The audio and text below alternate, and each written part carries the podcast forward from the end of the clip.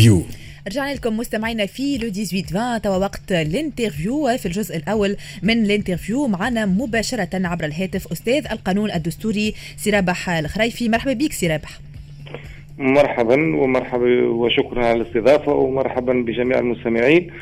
نرجع توضيح معك. أي أي، توضيح تفضل. بسيط هو. الباحث في القانون الدستوري والنيابي. الباحث في القانون الدستوري. مرحبا بك سي من. جديد سي رابح شكرا ليك. نرجع معك بالتعليق على القرار الصادر البارح عن رئيس الجمهورية بخصوص التمديد في القرارات الاستثنائية إلى حد إشعار آخر. آه، قديش يمكن يدوم سي رابح هذا الإشعار؟ وما هي السيناريوهات المطروحة اليوم حسب تقديرك؟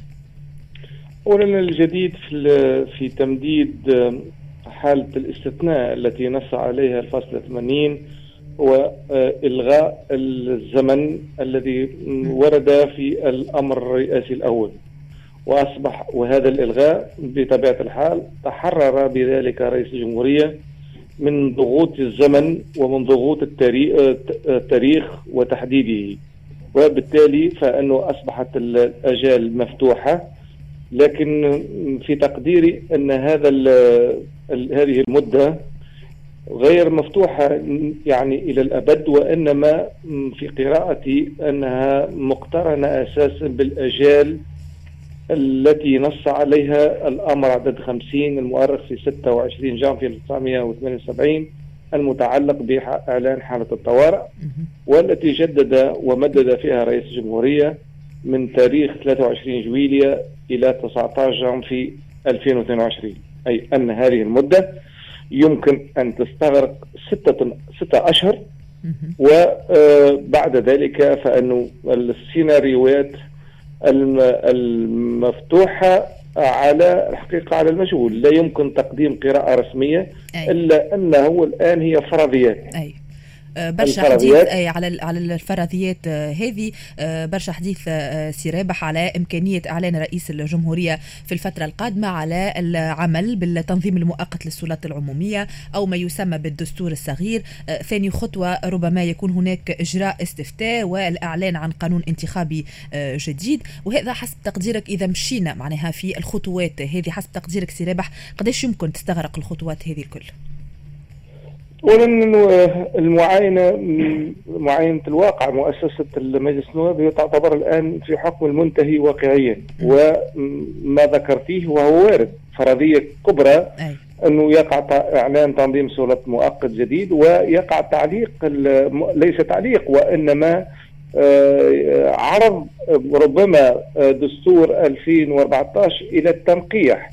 من واساسا لأنه ليس كل الأبواب هي سيئة في دستور 2014 باب الحريات لا يمكن انه يقع التراجع عنها باب استقلال القضاء لا يمكن أن يكون التراجع عنه. وباب ال- المحكمة الدستورية كذلك. وباب ال- السلطة المحلية ما عدا بعض الفصول الأخرى التي آه، تحتاج توضيح خاصة في الحكم الانتقالية، أما المشكل أساسا هو في باب السلطة التنفيذية الذي يحتاج إلى إعادة صياغة من ج- برمته وتوحيد السلطة بيد رئيس الجمهورية وفي ذات الوقت يكون هناك مجلس نواب شعب قوي يراقب رئيس الجمهورية. مهم. هذا الأجال التي يمكن أن تستغرق هذه ال- المدة أعتقد أنه ست- م- في سقف السنة لأنه باش يتم آه، صياغة قانون آه، انتخابات جديد، قانون احزاب جديد، قانون آه، تنظيم الإعلام جديد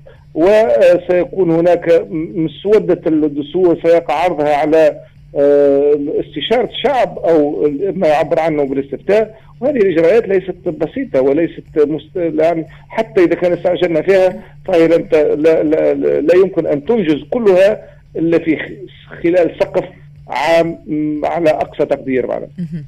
آه، برشا حديث سي رابح على آه، تجاوز رئيس الجمهورية للفصل آه، 80 هل أنه القرار هذا اللي آه، صادر البارح عن رئيس الجمهورية يستند إلى الفصل 80 أم فيه تجاوز خاصة في ظل غياب محكمة دستورية اليوم في تونس لا هو ليس هناك تجاوز وهذا الرأي الذي تقريبا ذهبنا فيه جزء كبير من ال- الأساتذة.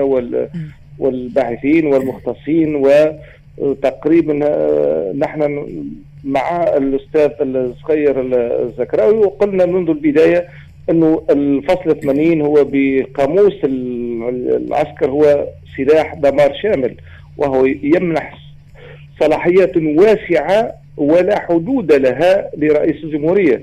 وهو الذي تجعله هو مؤول الرسمي والوحيد وبمفرده لألفاظ الدستور ولا توجد أي سلطة أخرى لربعه.